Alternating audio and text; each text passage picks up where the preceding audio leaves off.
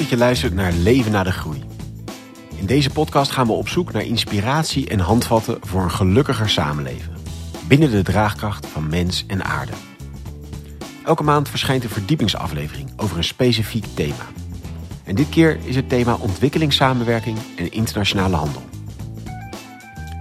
In het noorden staan we voor een enorme uitdaging om onze sterke ontwikkelde economie te verduurzamen.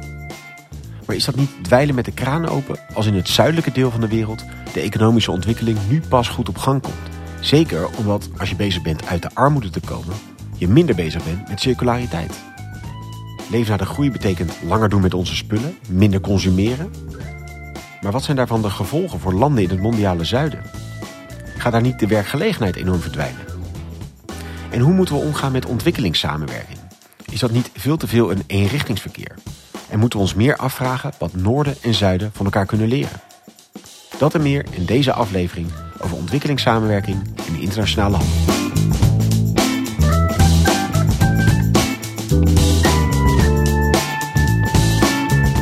Aan tafel Matthias Oltaar en Paul Schendeling. En Matthias, jij wil beginnen met uh, Batman. Ja, ja, dat klopt. Ik wil beginnen met uh, wat uh, de, de filosoof Slavoj Žižek de Batman-paradox noemt. En ik denk dat dat een hele mooie illustratie is om te laten zien dat we eigenlijk als landen in het mondiale noorden en landen in het mondiale zuiden onderdeel uitmaken van hetzelfde uh, systeem.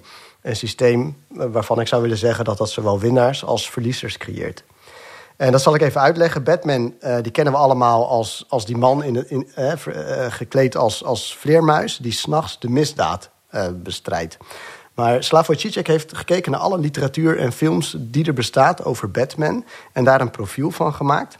En wat je dan ziet is dat hij overdag door het leven gaat als een zekere Bruce Wayne... En Bruce Wayne is een vermogend ondernemer die leiding geeft aan een conglomeraat van bedrijven. En natuurlijk op zijn Amerikaans betekent dat ook dat er wordt gehandeld in wapens en uh, munitie.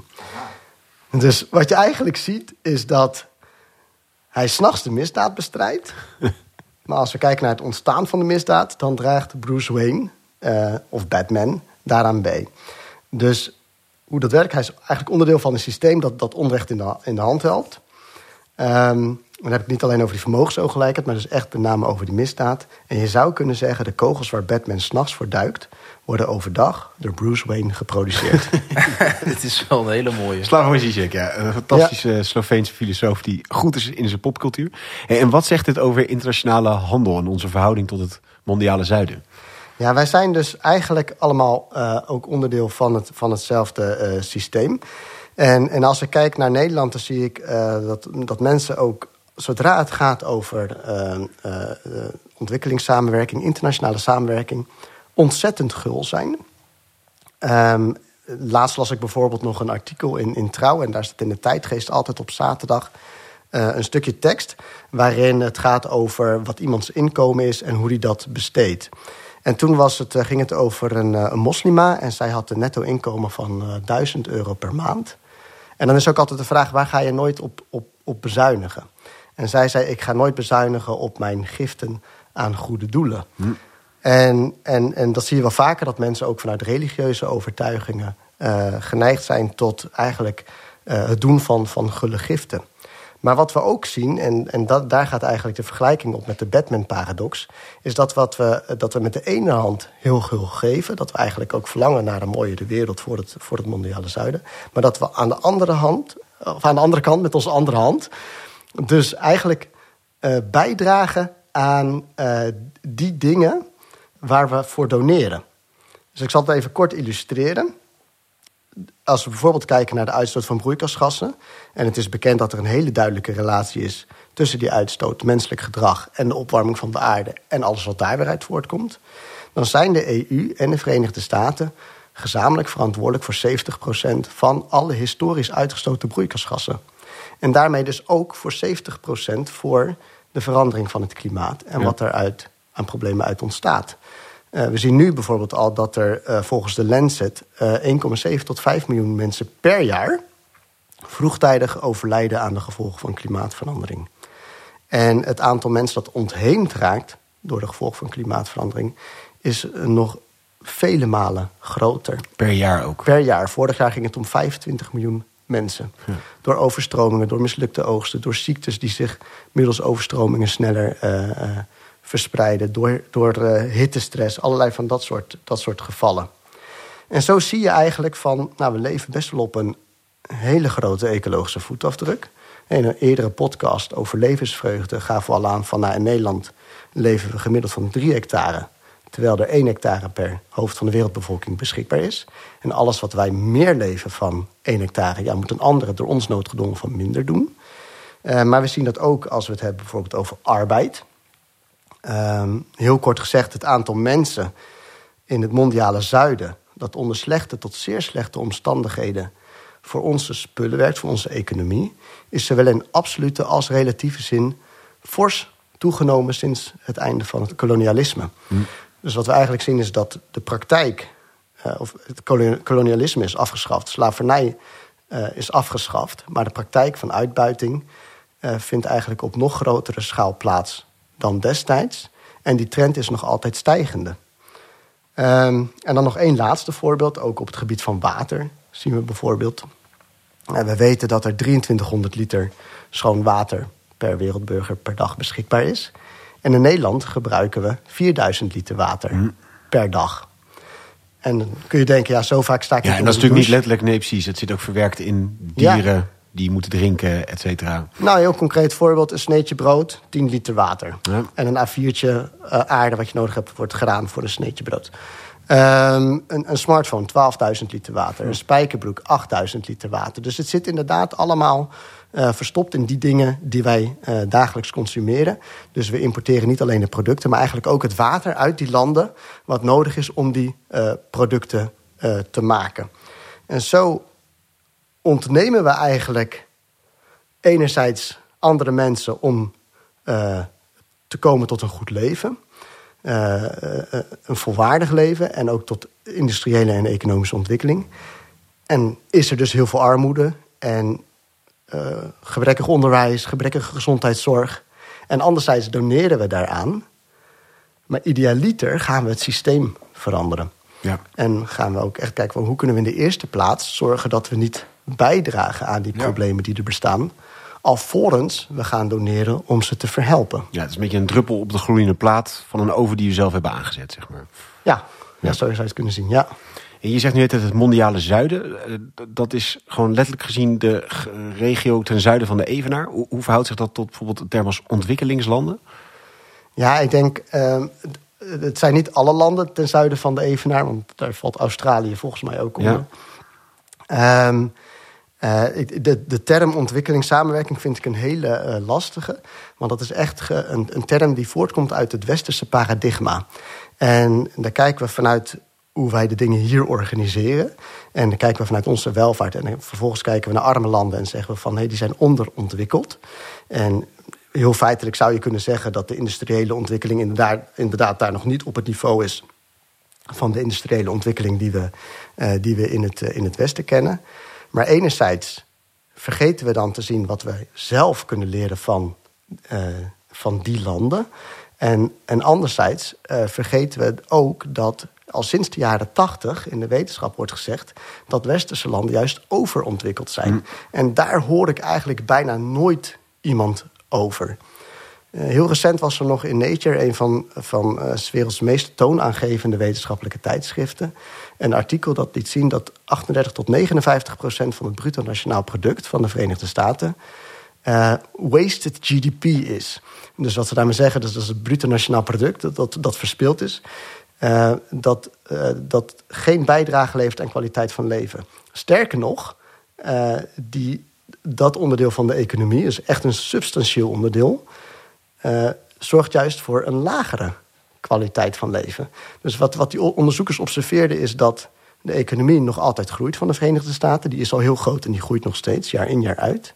Maar op de Human Development Index zakt de Verenigde Staten steeds hm. verder. En hoe groot zijn nou percentage? 38 tot 59 procent. Tot 59 procent van de, het totale... Van het totale bruto nationaal product van de Verenigde Staten. Ongekend, ja. En dan is dus inderdaad het frame ontwikkelingslanden van die landen moeten komen naar waar wij zijn. Los van dat het heel uh, uh, ja, verheven is, is het ook gewoon een heel belachelijk frame. Omdat inderdaad eigenlijk de plek waar wij zitten helemaal niet de plek is waar je moet zitten. Ja, ja, en uiteindelijk denk ik waar we naar streven is welvaart. En dat is niet hetzelfde als bruto nationaal product. Welvaart is de mate waarin we kunnen voorzien in onze noden, zowel als individu als als maatschappij. En het bruto nationaal product is een soort van indicator daarvan, met allerlei zwaktes. Um, maar daar moeten we naar, naar streven. En, en hier zie je dus heel duidelijk dat een groei in het bruto nationaal product dus afdoet aan de mate van welvaart. Ja. Als we dan kijken naar landen in het mondiale zuiden, dan is natuurlijk wel het idee van god, die moeten nog een slag maken om op een vergelijkbaar welvaartsniveau te komen. Er is nog honger, er zijn uh, matige uh, fysieke omstandigheden om in te leven, et cetera. Is daar dan niet voor hen gewoon het hele verhaal van grenzen aan de groei of leven na de groei gewoon nog een beetje achterhaald? En moeten we niet gewoon dat hele onderwerp even een beetje parkeren? Daar moeten we zelf mee bezig gaan, maar niet in internationale samenwerking iets mee doen? Nou, ik, ik ben geneigd om te zeggen ja, maar het wrange is dat ik daar ook nee aan moet toevoegen. Dus ja, grens aan de groei is gewoon echt onzin als je een land bent wat nog helemaal uit de armoede moet uh, groeien. Um, er zijn nog echt ook hele goede wetenschappelijke indicaties dat landen die minder dan 15.000 dollar per persoon per jaar verdienen, ook echt nog enorme winst van kwaliteit van leven kunnen boeken door economische groei. Uh, dus ja, voor hen is het juist inderdaad essentieel dat ze nog wel een groeifase doormaken. Of als je het vergelijkt met een plantje, dat, die vergelijking maken we als vaker. Ja, die maakt ook een groeifase door en dan gaat hij daarna door naar een bloeifase. Dan gaat hij in plaats van meer hout en bladeren aanmaken ook vrucht dragen. Nou, en landen in het mondiale zuiden moeten echt nog die groeifase door... om echt stevig uh, tot een mooi welvaartsniveau te komen... met een goede kwaliteit van leven. En landen in het mondiale noorden, die hebben de groeifase gehad... die moeten zich veel meer gaan richten op bloei... en juist op kwaliteit van leven verbeteren... zonder dat alles maar kwantitatief altijd meer moet zijn. Maar ja, het wrange is dat ik hier ook nee aan moet toevoegen omdat het gewoon ontzettend uh, diep triest is dat we al van de negen mondiale ecosystemen die het leven op aarde mogelijk maken, de draagkracht van zes van die systemen al mondiaal hebben overschreden. Dus dat betekent eigenlijk dat als je met oogkleppen op zou gaan zitten en je zou zeggen: Nou, um, landen in het mondiale zuiden, groei maar lekker door, want dat is goed voor jullie. Dan vergeet je eigenlijk dat groei betekent dat we de ecologische catastrofe waar we al middenin zitten nog vele malen erger zouden maken als we dat doen. Dus uh, het is helaas zo dat elke procent economische groei in het mondiale zuiden tot 0,7% meer uitstoot van broeikasgassen leidt. Dus er is een verband van 70% tussen groei en uitstoot nog in het mondiale zuiden. In het mondiale noorden is dat niet meer het geval. Dus daar kan zelfs ook uh, minder uitstoot plaatsvinden of uh, hetzelfde als we economisch groeien. Maar in het mondiale zuiden is dat nog zeker niet het geval. En dat maakt dat ze voor, ook voor een heel lastig dilemma staan. Als je stel je bent regeringsleider of je bent minister in het mondiale zuiden. Dan sta je gewoon voor het duivelse dilemma. Moeten we op korte termijn verder uit de armoede groeien? Of moeten we nu heel hard investeren in een groene energie? Omdat als we dat niet doen, dan zijn we eigenlijk uh, onze problemen van de toekomst aan het uh, verergeren. En vandaar, ja, ze hebben natuurlijk heel weinig middelen beschikbaar al in het mondiale zuiden. Dus de begrotingen van overheden zijn daar heel klein. Dus je kunt daar überhaupt maar heel weinig doen. En dat is volgens mij ook een van de redenen waarom we in het mondiale noorden ook echt kunnen helpen uh, om landen in het mondiale zuiden uit dat dilemma te halen. Want als we hen echt zouden helpen, bijvoorbeeld met veel meer middelen voor groene energie, om uit dat dilemma te komen, dan kunnen zij misschien ook groeien met lagere uitstoot. En dat is natuurlijk wat we eigenlijk willen. Want dit is denk ik wel een vaak gehoorde kritiek op klimaatbeleid. Stuk van ja, voor elke groene innovatie die we hier doen, worden er in China tien uh, kolencentrales geopend. Uh, is het inderdaad zo cynisch? Je zegt dan een beetje met die koppeling van de factor 70. Is dat inderdaad zo uh, zwart-wit te zeggen? Ja, dat, dat, dat is echt een heel groot probleem. En ik denk dus dat die oogkleppen, die ik heel triest vind dat ze bestaan, dat we die in het Westen inderdaad ook allemaal nog op hebben. Dus we zijn inderdaad heel trots dat we bijvoorbeeld elektrische auto's uh, importeren. Maar ja, om die dingen te maken, uh, levert inderdaad zoveel uitstoot op dat je een auto met een brandstofmotor vijf jaar lang kunt laten rijden. En, uh, Dus de uitstoot van vijf jaar rijden in een brandstofauto is alleen al nodig om een elektrische auto te produceren. En dat gebeurt inderdaad voornamelijk in uh, landen zoals China, waar inderdaad nog heel veel uh, grijze stroom en grijze energie wordt gebruikt. En wat zijn hier richtingen die we kunnen inslaan om hier uit te komen? Wat zou hier een goed verhaal vanuit jullie zijn om hier anders naar te kijken? Niet in ieder geval hoor ik over Matthias af en toe even wat moois geven. Er is iets structureels nodig. Ja, nou twee aspecten denk ik. Ik denk dat uh, Matthias zo meteen ook nog zal ingaan op de manieren waarop we landen in het mondiale zuiden ook echt de kans kunnen gunnen om hun industrieën op te bouwen, zodat ze ook kunnen gaan groeien naar het welvaartsniveau wat ook echt de kwaliteit van leven omhoog brengt. Maar ja, omdat we het nu hebben over zo'n prangend issue waar ook gewoon heel veel luisteraars mee zitten, namelijk we hebben een klimaatcrisis, hoe lossen we dat op? Ja, dan misschien, misschien goed om eerst dan die brand te blussen en dat we dan ook naar die structurele oplossingen toe gaan. Als we de brand willen blussen, dan heb je gewoon echt structureel heel veel meer financiering van groene energie in het mondiale zuiden nodig. Dus uh, het IMF heeft laatst geschat dat er in het mondiale noorden is er een uh, investeringsgat van 1% van het hele nationaal inkomen voor groene energie. Dus dat betekent gewoon heel concreet van elke euro die we in, het, uh, in Europa verdienen, zou je eigenlijk 1 cent meer moeten uitgeven aan groene energie dan we nu al doen. Nou, dat is best veel, maar dat is nog overzichtelijk. Dat zouden we op zich nog kunnen halen. In het mondiale zuiden is dat investeringsgat nog veel groter. Meer dan 2 procent. En het is zeer onwaarschijnlijk dat het mondiale zuiden zelf de financiële middelen heeft om dat enorme investeringsgat voor groene energie zelf te dichten. Dus wat we moeten doen is we moeten gewoon echt heel veel meer financiële steun aan het mondiale zuiden geven om de investeringen in groene energie op te schalen. Um, nou, dat kunnen we enerzijds doen met publieke middelen. Dat is trouwens ook afgesproken. Uh, dus uh, op een van de klimaattoppen van de afgelopen jaren is 100 miljard per jaar aan het mondiale zuiden toegezegd om dit te doen. Schrijnend en schokkend en schandalig genoeg heeft, uh, de hebben westerse landen nog steeds die belofte niet ingelost. Dus er wordt hm. nog steeds niet 100 miljard per jaar daarvoor overgemaakt. Maar dat is een deel van de oplossing. Maar ten tweede moet er ook veel meer private gelden naar het mondiale zuiden toe. Dus je zou eigenlijk willen dat je aan elke publieke euro ook twee of drie private euro's toevoegt. En dat zouden mensen zijn, of bedrijven of investeringsclubs die daar een verdienmodel in zien. Precies, en dat verdienmodel is er al. Want bijvoorbeeld uh, een zonnepaneel. Ja, kijk, in Nederland heb je dat in acht jaar terugverdiend. Misschien heb je dat in het mondiale zuiden, waar de zon nog veel harder schijnt, heb je het misschien nog sneller terugverdiend. Dus er zit een enorm goede business case onder het opschalen van groene energie.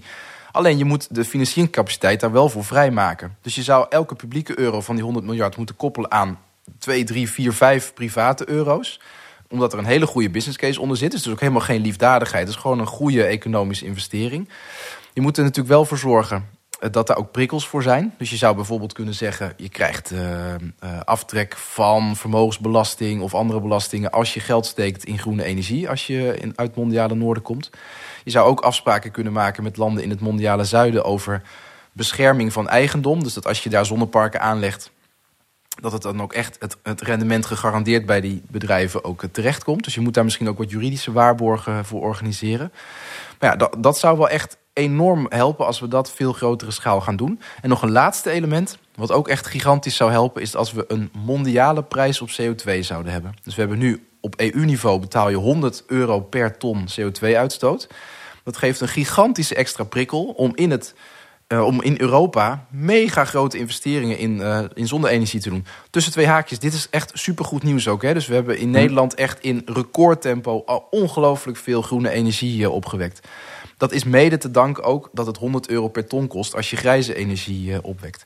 Nou, als je dat mondiaal zou doortrekken, dan zou je die prikkel om heel veel te investeren in groene energie mondiaal kunnen gaan toepassen. Wat het dus ook voor bedrijven aantrekkelijk maakt om ook buiten de EU hele grote bedragen te investeren in uh, groene energie.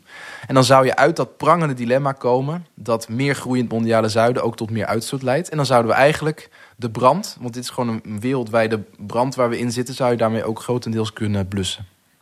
Ja, je zei we moeten eerst op die brand focussen inderdaad. En daarnaast hebben we ook nog de, de structurele kant. Wat zou er aan structurele zaken moeten gebeuren? Nou, we hebben in een uh, eerdere podcastaflevering een bulletin over 40 jaar neoliberalisme hebben we uh, ook toegelicht dat we nu een wereldhandelssysteem hebben dat kwetsbare mensen vogelvrij maakt. Dat geldt voor kwetsbare werknemers in landen zoals Nederland. Maar dat geldt eigenlijk ook voor kwetsbare werknemers in het mondiale zuiden. Moet je toch voorstellen dat, uh, ja, dat we een soort mondiaal voetbalspel spelen. Uh, waarbij we geen divisies of klassen hebben. Maar waar eigenlijk gewoon uh, ja, de bedrijven uit de Champions League voetballen tegen bedrijven uit de zaterdagklasse. Omdat we gewoon mondiale vrijhandel hebben. Dus een beginnend cacaofabriekje in Ghana moet concurreren met een cacao-gigant uit Zaandam. Want er zitten hele grote cacaofabrieken in Noord-Holland, in Nederland. Die heeft de wedstrijd bij voorbaat verloren. Hij staat binnen een half uur met 10-0 achter. En hij kan nooit uh, die concurrentiestrijd winnen. Dus we hebben een mondiaal handelssysteem dat het voor mondiale zuiden volstrekt onmogelijk maakt om te industrialiseren. Terwijl juist, en dat is natuurlijk het kernpunt, industrialisatie die landen kan helpen om wel rijk te worden. Want waar, waarin is inderdaad dat kelderklasse versus Champions League, snap ik qua grootte van die bedrijven. Maar waarom zitten ze in diezelfde league? Waarom kan niet inderdaad een cacaofabriek in Ghana zeggen: joh, ik produceer gewoon voor mijn lokale markt hier gezellig. Uh, daar hou ik het bij. Ja, Matthias heeft zo meteen nog een paar voorbeelden ook over bijvoorbeeld patenten en, en, en eigendomsrechten. Maar het voorbeeld wat ik zelf het beste ken, is dat het op dit moment verboden is. Uh, letterlijk mondiaal verboden om je opkomende industrieën te beschermen met protectionistische maatregelen. Maar waarom is het nodig om ze te beschermen? Waarom kun je niet wel gewoon een fabriekje starten in Ghana en daar gewoon iets moois maken en dat verkopen? Nou, omdat dus zelfs de Ghanese zelf dan niet de chocola uit het Ghanese fabriekje zullen kopen. Omdat de chocola uit Zaandam, die je gewoon met veel extra geld op een boot naar Ghana moet sturen, vele malen goedkoper is dan uit het Ghanese fabriekje. En het schokkende is, Nederlandse kippenvleugeltjes van de Nederlandse bio-industrie, die concurreren Ghanese kippenboeren weg. Omdat wij gewoon in almas containerschepen vol met kippenvleugeltjes naar het mondiale zuiden sturen. Dus zelfs hele simpele industrieën zou je kunnen zeggen, waar je nog niet eens heel veel kapitaal voor nodig hebt. Gewoon, ja, laten we zeggen, een kippenboer met een schuur en een kippenslachterij ernaast. Die kippenvleugeltjes klaarmaakt voor mensen in Ghana. Die kan al niet overleven. En je mag dus niet als Ghana zeggen: wij stellen een tariefmuur op voor kippenvleugels uit Europa, want dat is mondiaal verboden. En dan zijn wij hartstikke hypocriet in het Westen, want wij hebben zeg maar heel veel baat dat die andere landen geen tariefmuren mogen opwerpen. Ja, helder. Ja, en dit kunnen we denk ik nog een stukje verder concretiseren. Van wat is nou die concurrentiepositie? Dus ja, die reus uit Zaandam, die concurreert met een, een dwerg uit West-Afrika. Eh, dus eigenlijk, nou, Paul eh, trekt de vergelijking met voetbal. Dus FC Barcelona die voetbal tegen FC Spakenburg of zoiets, als dat bestaat. En uh, waar. Groot voetbalfan ben je, hoor ik. Nou, ja, Spakenburgse boys heten ze volgens mij. nee, Spakenburg gewoon. gewoon Spakenburg. Nou. Maar in ieder geval, uh, wat betekent dat nou in de bedrijfskunde? Paul noemde al schaalvoordelen die die bedrijven hebben... waardoor ze eigenlijk veel efficiënter en goedkoper kunnen produceren... verschepen en vermarkten. Uh, maar ze hebben ook de distributiekanalen, dus de toegang tot de retail en daarmee ook tot de eindconsument. Uh, ze hebben uh, merknamen en daarmee ook vertrouwen en, en, herkenbaarheid en bekendheid. Ze hebben marktkennis, ze hebben machines, ze hebben geld en ze hebben de goed opgeleide mensen voor die, voor die werkzaamheden. En ze hebben ook patenten. En daar kan ik zo meteen nog even op terugkomen. Maar het is denk ik eerst goed om te weten van hoe, hoe werkt zo'n waardeketen nou? En zo'n waardeketen bestaat uit heel veel verschillende bedrijven die gezamenlijk verantwoordelijk zijn voor het maken van één eindproduct. Dus een, een product dat we eigenlijk dagelijks in onze handen hebben, is een smartphone. En, en uh, van Apple is bijvoorbeeld bekend dat een iPhone door meer dan 600 verschillende bedrijven worden gemaakt. Die zijn allemaal juridisch onafhankelijk. Wereldwijd zit op alle continenten, in meer dan 40 verschillende landen. Hm. Uh, en, en, Samsung maakt bijvoorbeeld het schermtoosje bij de harde schijf. En zo zijn er heel veel bedrijven die gezamenlijk die iPhone uh, uh, maken. Nou, als jij een iPhone koopt bij de Mediamarkt, dan van 900 euro, dan blijft 300 euro bij de Mediamarkt. Hm. En 300 euro gaat naar Apple. En de resterende 300 euro wordt door die andere 600 bedrijven in al die landen uh, verdeeld. Dus wat wil dat zeggen? Op het moment dat je uh, bezig bent met het, het, winnen van ruwe grondstoffen, of een hele kleine bewerkingsslag eraan toe te voegen, of slechts de distributie, dan voeg je niet heel veel waarde toe aan het product. En kun je ook niet heel veel waarde van die 900 euro toe-eigenen ja. uh, als bedrijf. hetzelfde zie je, we hadden het net over chocola. als je hier een reep chocola koopt, dan blijft minder dan 10% gaat naar de cacaoboer terug. Ontzettend weinig hoor, tussen twee haakjes. Minder dan 10% zeg je? Ja. Dus als je een reep chocola koopt, dan gaat er nog van elke besteden euro nog geen dubbeltje naar de cacaoboer. Klopt, ja. Uh, maar wel 33% naar uh, Albert Heijn, uh, bijvoorbeeld. Ja. en en wat dat wil zeggen is, op het moment dat je bezig bent met die ruwe grondstoffen en geen waarde toevoegt, uh, dan verdien je dus heel weinig aan het product. Je wil ook, ook aan de achterkant van die keten zitten eigenlijk. Ja, je wil eigenlijk dichter bij die, die eindgebruiker komen. Je wil waarde gaan toevoegen. Als dat niet, zolang je eigenlijk bezig blijft met ruwe grondstoffen... dan zit je in wat wordt genoemd een armoedeval. Hm. En uh, daar kom je niet uit zolang je niet toekomt aan die industriële ontwikkeling. En daarom is die industriële ontwikkeling zo belangrijk. Maar als we dan in het, in het, in het verhaal van de cacao blijven... En dat is deels ook al in de chocoladepodcast ja. aan de orde gekomen. Uh, dan zien we dat juist uh, bedrijven ook bepaalde processen om tot een eindproduct te komen patenteren. Uh, dat wil zeggen dat als je als, als, als Ghanese chocoladebedrijf iets wil verkopen op de westerse markt, dan moet je dat doen op een manier zoals die nog niet is gepatenteerd door de cacao-reuzen in Europa. anders schend je het patentrecht. En dat is ontzettend moeilijk omdat het kan wel, maar er worden allerlei eigenlijk belemmeringen opgeworpen om uh, dat verschil in concurrentie tussen Barcelona en Spakenburg om dat in stand te houden. Ja, dus de je moet, je oplossing moet... voor het probleem, zoals je het probleem nu meer in detail schetst, er zaten hele interessante aspecten aan. En dan zou dus de oplossing voor het probleem zou dus kunnen zijn dat landen wel de mogelijkheid krijgen om de beschermconstructies van de Europese bedrijven aan hun laars te lappen. Even heel simpel uitgedrukt. Mhm. Dus dat ze zich daar niet aan hoeven houden. Terwijl ze wel, andersom, hun eigen beginnende bedrijven wel mogen beschermen. Zie ik dat zo goed? Ja, ja en, en, en dat is, dan kijk je echt op macroniveau van wat, wat, wat kun je qua beleid doen. Of welke speelruimte pak je als, uh, als natiestaat of als bedrijf binnen het internationale uh, raamwerk. Ik denk ook dat uh, organisaties die, ik noem het even voor het gemak hulporganisaties. Ik ben wat ongelukkig met die, eh, met die term hulporganisaties. Maar dat die ook uh, een bijdrage kunnen leveren aan het, het, ontwikkelen van het concurrentievermogen van bedrijven meer op microniveau dan. Dus dat ze ook heel actief bezig gaan vanuit hun programma's en hun werkzaamheden om bedrijvigheid en industriële ontwikkeling te stimuleren. En daar zijn eigenlijk veel meer mogelijkheden voor dan, dan vaak wordt gedacht. Eh, het gaat natuurlijk vaak over microkrediet. Is dat een voorbeeld van zoiets? Of vindt zich dat, gezien het woord micro, op een kleiner niveau? Ja, nee, dat is eigenlijk denk ik nog een te klein uh, niveau. Want krediet, is een van de assets die je nodig hebt als bedrijf om tot ontwikkeling te komen. Maar je hebt ook machines nodig en je hebt ook geschoold personeel nodig. En je, uh, je hebt ook toegang nodig tot de distributiekanalen. en op zich is dat op een bepaalde manier allemaal te verkrijgen. Maar microkrediet lost eigenlijk weinig op zolang je in die armoedeval blijft, zolang je met die ruwe grondstoffen uh, bezig blijft. Hetzelfde geldt voor een fair trade certificering. En misschien dat het inkomen van de boer dan een klein beetje omhoog gaat als het meezit en het werkt op bepaalde onderdelen. Maar het is geen structurele verbetering van de positie van, die, van die landen. Ja, en dat sluit natuurlijk aan bij het verhaal wat je net in de chocoladepodcast vertelde. Van je moet niet alleen op die uh, arbeidsomstandigheden as eigenlijk beoordelen, maar ook van wat doen ze in lokale communities. Lukt het hen meer om meer van het productieproces in eigen regio te houden? Nou, en wat ik heb gezien, want ik heb veel veldwerk gedaan in verschillende Afrikaanse uh, landen. Ik heb er ook tal van Nederlandse ondernemers gesproken. En, en, en die gingen aan de slag met allerlei verschillende tropische gewassen. Van cacao tot koffie tot sesamzaad en mango. En wat ik tot mijn verbazing soms zag, is dat zij fabrieken gingen starten of in, in inderdaad, of soms ook in, in, uh, in Afrika, om waarde toe te voegen aan de ruwe grondstof, zonder dat ze eigenlijk op voorhand heel veel kennis daarvan hadden. Ik heb bijvoorbeeld gezien hoe een fabriek werd opgestart om sesamzaad te pellen en zowel iets met de schil te doen als met de zaad die erin zit. Daar werd dan uh, bijvoorbeeld weer sesamolie van gemaakt en dat werd dan weer gebruikt in verf of, of gewoon puur als sesamolie om mee te koken. En de ondernemers die dat deden, die hadden op voorhand eigenlijk heel weinig kennis daarvan.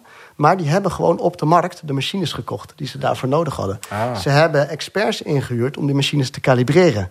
En, uh, uh, en ze hebben experts ingehuurd ook om hun personeel te trainen van hoe ga je om uh, met die machines. Hoe ga je om met hygiëne? Hoe ga je om met een kosher of een halal-certificering?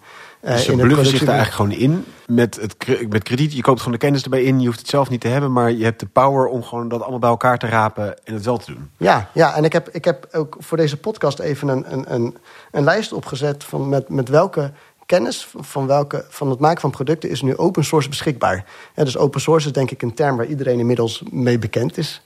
Uh, geraakt. En we kennen het van, uh, van, van uh, met name van bijvoorbeeld Linux of, of Signal als concurrent van WhatsApp. dat zijn open source initiatieven, Wikipedia misschien. maar je hebt dat ook voor hardware. En wat ik in ieder geval heb gevonden is dus dat er open source hardware beschikbaar is voor producten zoals huizen, auto's, vliegtuigen, meubels, consumentenelektronica, chips, robots, protheses, machines um, en andere aan machines gerelateerde uh, toepassingen. En dat is open source beschikbaar. En als je dus als hulporganisatie ehm, daar weet van hebt... en kunt kijken van, hé, hey, wat, wat is er beschikbaar... Kijk, het is in de praktijk altijd complexer dan ik het nu schets. Maar dan is het relatief eenvoudig om met de juiste bedrijfskundige bril ja. uh, en de juiste vaardigheden ook dan daar die fabrieken te, uh, te, doen, net zoals een bluffende Hollander dat daar doet. Met heel veel steun overigens van de ambassade en, uh, en het ministerie van Ontwikkelingssamenwerking vanuit Nederland. Maar dat kunnen hulporganisaties dat ook doen. En dan in het belang van de lokale bevolking. En dan gelijktijdig rekening houden met wat Paul zei om die fabrieken dan ook CO2-neutraal gelijk te gaan bouwen. Dus dat je ook die ecologische doelstellingen dan meeneemt in je, uh, in je agenda. En dan is het voornaamste wat je inbrengt eigenlijk het kapitaal. Uh, wat je hebt als hulporganisatie. Om dat uh, als een ondernemer, waar ook risico's aan zitten uiteraard... maar om dat in principe als een ondernemer te gaan investeren daar. En daar zijn ook al mooie voorbeelden van bedrijven die dat al aan het doen zijn. Daar komt ook de opvolger van Fairtrade vandaan. Dat heet Fairchain. Dus in de redenering van Matthias, het gaat over de hele keten. Dus hoe gaan we de hele keten eerlijker maken... in plaats van alleen maar een paar cent meer voor een cacaoboer... die vervolgens nog steeds arm blijft. En Fairchain uh, voorbeeld is bijvoorbeeld uh, voor koffie. Fairchain koffie die wordt niet alleen maar uh, ja, geteeld en geplukt in, in bijvoorbeeld Ethiopië... maar die wordt daar ook gedroogd en gebrand en verpakt en gedistribueerd. En dat betekent dus eigenlijk in het geval van Fairchain koffie dat in plaats van uh, nou, de 10% die Matthias noemde, die in het land van herkomst blijft, 60 tot 70% van het bedrag wat je in de winkel uh, in Nederland betaalt, ook echt aan waarde wordt toegevoegd in Ethiopië. En dat is eigenlijk ook een heel mooi voorbeeld van een samenwerking tussen een Nederlandse ondernemer in dit geval en Ethiopische ondernemers die dat hele, die hele business organiseren van het drogen en het branden en het verpakken en het uh, distribueren. Ja. En zie je deze omslag inderdaad ook in het de ontwikkelingssamenwerking, om maar even die term te gebruiken. Uh, zie je dat deze slag meer wordt gemaakt? Of is die toch iets meer met, wat je zei aan het begin, de twee handen van Batman, zeg maar, toch aan het pappende, nathoudende, verzachtende wat je, werk wat je in de nacht doet en niet het dagwerk, zeg maar. Uh, ja, ik zie het eigenlijk nog onvoldoende. Maar wat ik, wat ik heel veel heb gezien is het ondersteunen van boeren en hun coöperaties. En dan met name op agronomisch vlak. Dus hoe kun je boeren helpen om hun productiviteit te verbeteren? Hm. Maar uiteindelijk profiteren zij daar niet van. En dat wordt uh, in de wetenschap immiserizing growth genoemd. En dat wil eigenlijk zoveel zeggen als van uh, je groeit, je productiviteit neemt toe. Uh, dus je hebt meer kilo sesamzaad of wat dan ook per hectare. Alleen tegelijkertijd worden je handelsvoorwaarden worden ongunstiger. Um, om, want je hebt wel meer aanbod, maar als je daar geen waarde toe kunt voegen en de vraag blijft gelijk, dan wordt datgene wat je aanbiedt per eenheid product lager in waarde. Ja. En vervolgens zit je vast in dat je die hoge mate van productie moet doen. Want ja, ja je kunt niet meer terug. Om, om het nog even simpeler uit te drukken voor de luisteraar die denkt... ik vind het nog steeds een beetje abstract. Als je inderdaad, stel alle boeren in het mondiale zuiden zouden productiever worden... dan zouden ze dus veel meer gaan produceren. De vraag blijft ongeveer gelijk. Het enige wat het dan oplevert is dat de prijs, die al ontzettend laag is... van ruwe cacao, ruwe koffiebonen uh, en, en andere ruwe grondstoffen nog verder omlaag gaat. Dus je, je levert eigenlijk daarna weer gewoon in wat je aan winst hebt geboekt. Dus daarmee kom je inderdaad echt geen millimeter vooruit. Ja, en, en qua Batman-paradox, eh, dat heeft ook betrekking op de donateurs. Hè? Van, hey, eigenlijk kunnen we hier met een gerust hart gaan leven van genoeg. Want er kan er nog steeds uh, sprake zijn van welvaartsontwikkeling uh, in, die, in die landen daar. Zodat mensen daar ook een, uh, beter hun noden kunnen voorzien als individu en maatschappij. Um, ik, ik, ik merk wel, want ik heb eerder eens voor een, voor een aantal hulporganisaties bij elkaar uh, een lezing gegeven, ook over de Batman-paradox. Uh, en, en het was heel herkenbaar en men was er enthousiast over. Maar men zag ook een hele grote communicatieuitdaging hmm. richting hun donateurs. Want die zijn echt welwillend. En, en, en hoe breng je nou een boodschap over van... Uh, maar misschien dat je leefstijl hier ook van invloed is... op datgene waaraan je doneert. Dat is niet zo eenvoudig. En toen was wel een van de conclusies in een brainstorm die daaruit resulteerde. Uh, dat was om dan misschien maar eens als hulporganisatie zelf te beginnen. Wat kun jij nu doen met je Nederlandse kantoor om je vervoersbewegingen te, te verminderen, zowel landelijk als internationaal? Om uh, je energieafdruk te reduceren. Om eigenlijk als organisatie zelf te beginnen met een leven van genoeg. En daarover gewoon gaan communiceren zonder te zeggen richting je donateurs van... hey, het is goed als jullie dat ook doen, maar gewoon op jezelf trekken van... nou, wij doen dit om die en die redenen als een soort van inspirerend voorbeeld. En het is een mooi perspectief, denk ik. Het is ook denk ik de, echt een, soort gewichtsverplaatsing, zeg maar. In plaats van het, dat de grondstoffen ophalen en er zelf iets mee gaan doen. Eigenlijk de hele het, het, ja, de, de verhouding, de balans laten doorstaan eigenlijk richting het mondiale zuiden, waardoor er veel meer in lokale context gedaan kan worden. Als je het voorbeeld van open source noemt en van ontwikkelingssamenwerkingspartijen die daarmee aan de slag gaan, dan klinkt het toch wel heel erg als van er komen partijen uit het noorden, die gaan we even aan het zuiden uitleggen wat ze handig kunnen doen. En dan mogen jullie een stukje van ons fabriekjes hebben, zeg maar, even heel uh, ja, plat gezegd. Ja. Hoe voorkom je die soort paternalistische houding die je aan het begin namelijk bekritiseerde? Ja, ik vind dat een, uh, een, een, een hele leuke en, terechte opmerking. En daarbij moet ik denken aan een citaat van een aboriginal. Zij heet uh, Ellie Watson. En wat zij zei was: If you have come here to help me, you are wasting your time. But if you have come because your liberation is bound up with mine, then let us work together. Dus wat ze eigenlijk zegt van, nou wil je me helpen, uh, laat maar.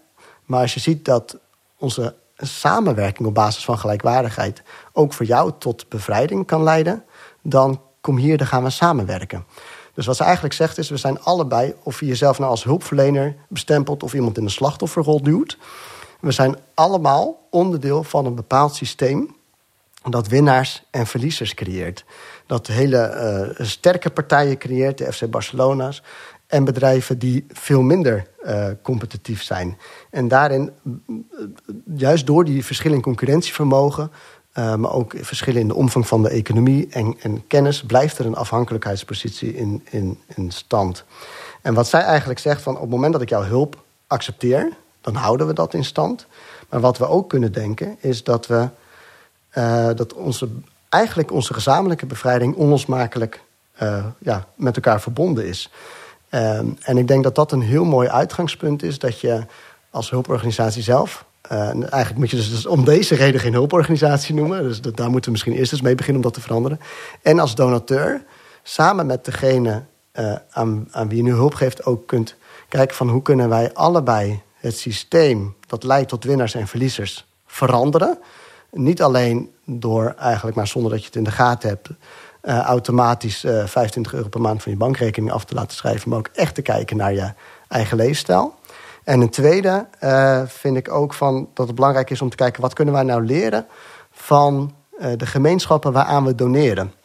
En ik ben in heel veel van die, uh, van die lokale gemeenschappen geweest, ver ook bij stedelijke gebieden vandaan. Moest soms op allerlei onmogelijke wegen rijden om daar terecht te komen. En dan zie je eigenlijk dat daar heel veel is van wat we hier hebben verloren. En wat we eigenlijk ook wel weer nodig hebben hm. voor een leven na de groei. Uh, bijvoorbeeld op het gebied van gemeenschapszin. Eigenlijk zou je economie bijvoorbeeld kunnen definiëren als een set van afspraken. Uh, waarin we met elkaar afspreken hoe we de arbeid gaan verdelen. Er is altijd werk, we hebben eten nodig en onderdak. En hoe we de opbrengsten van het land gaan verdelen. Dus de, de, de, de arbeid om de opbrengsten van het land te halen. En vervolgens de opbrengsten zelf Um, en er zijn daar gemeenschappen die hebben daar al eeuwenlang bepaalde afspraken over gemaakt. Van wat je, wat je rol is op het land, hangt af van je leeftijd, je senioriteit, maar ook je fysieke kracht. En de opbrengsten worden ook eigenlijk in de gemeenschap uh, verdeeld, zodat iedereen ook een goed leven heeft. Dat wil niet per se zeggen dat het allemaal gelijk is. Ik ga het ook niet romantiseren. Uh, er zijn ook uh, chiefs die op een of andere manier meer recht hebben yeah. vanwege hun positie dan mensen die toevallig geen chief zijn.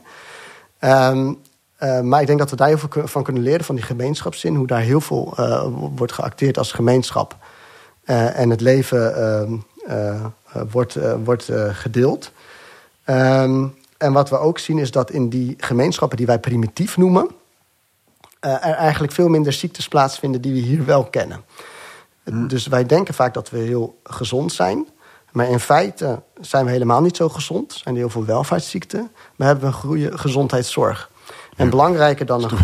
De, de, problemen zijn niet minder groot, maar we zijn beter in ze op te lossen. Ja, we hebben hier allemaal ziektes die daar niet plaatsvinden. Dus wij denken vaak, oh, die gemeenschappen, HIV, AIDS, polio, uh, malaria... en oh, wat een ellende, daar moeten we iets aan doen. En vervolgens zijn we blind voor het feit dat wij meer dan twee keer zoveel ziektes hier hebben. Als gevolg van stress en burn-out en te weinig bewegen en ongezonde lucht die we inademen. En PFAS dat zich uh, accumuleert in onze uh, lichaamsvetten. En zo is er eigenlijk een hele lijst van, uh, van, van welvaartsziekten. of eenzaamheid, waardoor we ook weer ongezond gedrag gaan vertonen. Wat daar allemaal niet plaatsvindt. plaatsvindt. En nogmaals, niet om te romantiseren, want ik weet dat er een hele hoge kraambedsterfte is. Uh, dat, uh, dat één op de vijf kinderen sterft voor het vijfde verjaardag. Uh, dus, en ook die andere ziektes die ik net noemde, die zijn echt ernstig. Maar het gaat me meer om die gelijkwaardige houding. Van wat kunnen we van elkaar leren om te ontsnappen aan de nadelige onderdelen van het systeem... en er een mooier alternatief voor terug te brengen. Ja, ik zie hier een heel mooi verband met wat we eerder in deze aflevering bespraken. Helemaal aan het begin van de aflevering. Toen uh, noemde jij, Matthias, uh, westerse landen overontwikkeld. Ja. Als je dat vanuit een bepaalde maatstaf bekijkt. En eigenlijk kunnen we dus vanuit het mondiale zuiden leren... hoe we van overontwikkeld weer enigszins normaal ontwikkeld worden. Net zoals uh, Dani Rodrik in, in die andere aflevering ehm, zei van... we hebben nu een, een insane, een, een waanzinnig systeem... en we kunnen weer terug naar een gezond systeem... Nou, je noemt hier dus twee hele concrete voorbeelden van. We hebben, zijn, door de overontwikkeling hebben we gemeenschappen laten verpieteren. Dat heeft echt ontzettend nadelige consequenties voor de kwaliteit van leven van heel veel mensen. Dus eenzaam zijn, dat is net zo erg als een pakje sigaretten per dag eh, roken voor je gezondheid.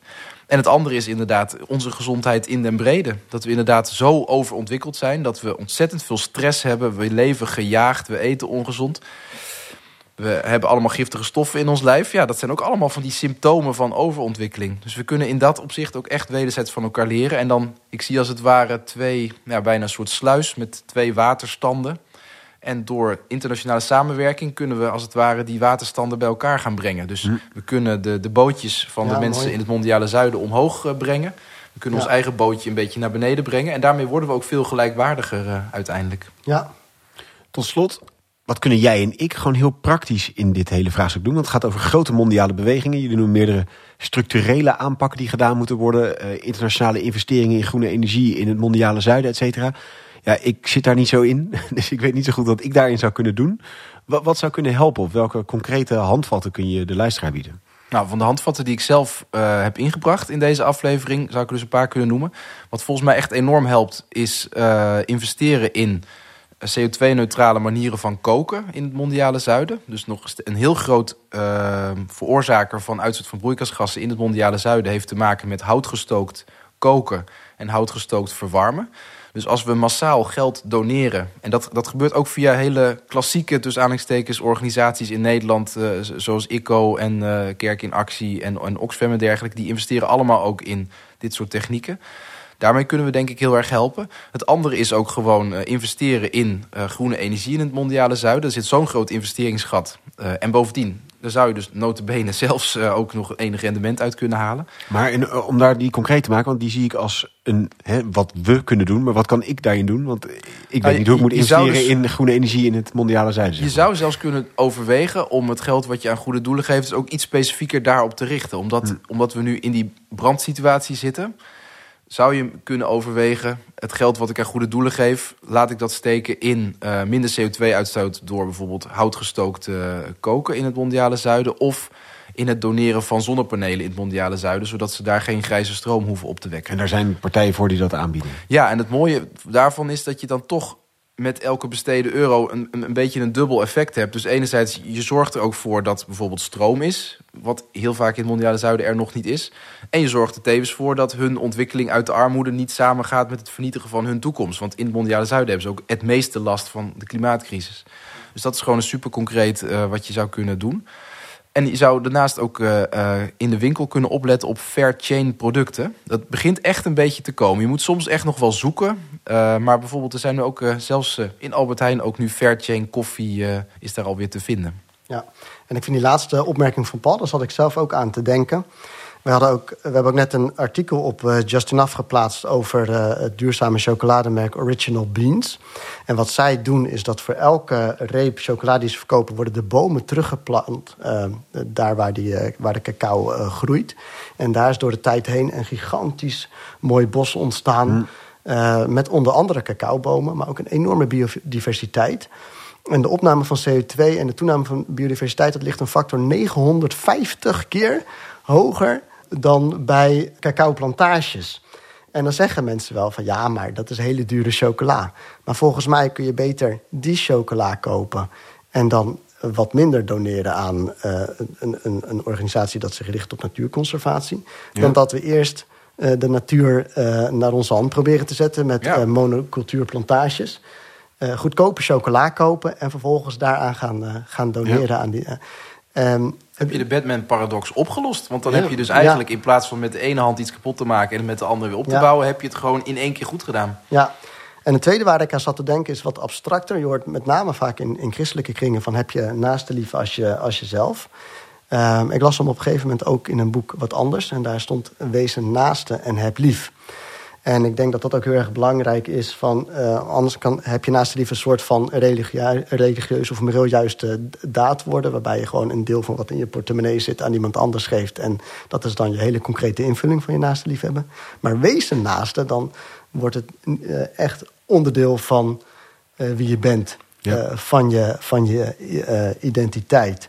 Dus volgens mij is daar ook, dat ook mooi om op te kouwen van wees een naaste. Uh, en heb lief. En, en tot slot zou ik willen zeggen aan donateurs: wees geduldig uh, met hulporganisaties. En, uh, en, en geef hulporganisaties vertrouwen. Want bij sommige projecten moet je jarenlang ja, geduld precies. hebben voordat je daar de vruchten van kan plukken. Dat moeten we accepteren. We krijgen niet instant resultaten. En twee, soms zijn vormen van hulp nodig waarin we de controle loslaten. Ja. Uh, maar die wel heel effectief zijn. En dan denk ik specifiek aan unconditional cash transfers. En dat is eigenlijk een vorm van hulp waarin je eigenlijk gewoon aan heel wat inwoners van een dorp, zonder enige voorwaarden te stellen, geld geeft. En daardoor heb je al die, die kosten die er uh, normaal gesproken bij hulporganisaties komen kijken, van monitoring en evaluation en allerlei controles en mensen van hier die daar moeten gaan kijken of het geld wel goed wordt besteed en allerlei rapportages en terugkoppelingen, dat, dat heb je allemaal niet nodig. Dus er blijft eigenlijk veel minder uh, overhead uh, kosten aan de strijkstok hangen. En er komt veel meer geld ook in het land van oorsprong terecht. Als we dat kunnen doen, gewoon geld geven in vertrouwen dat de meeste mensen daar goed mee omgaan. En dat laat onderzoek overigens ook zien dat dat zo is.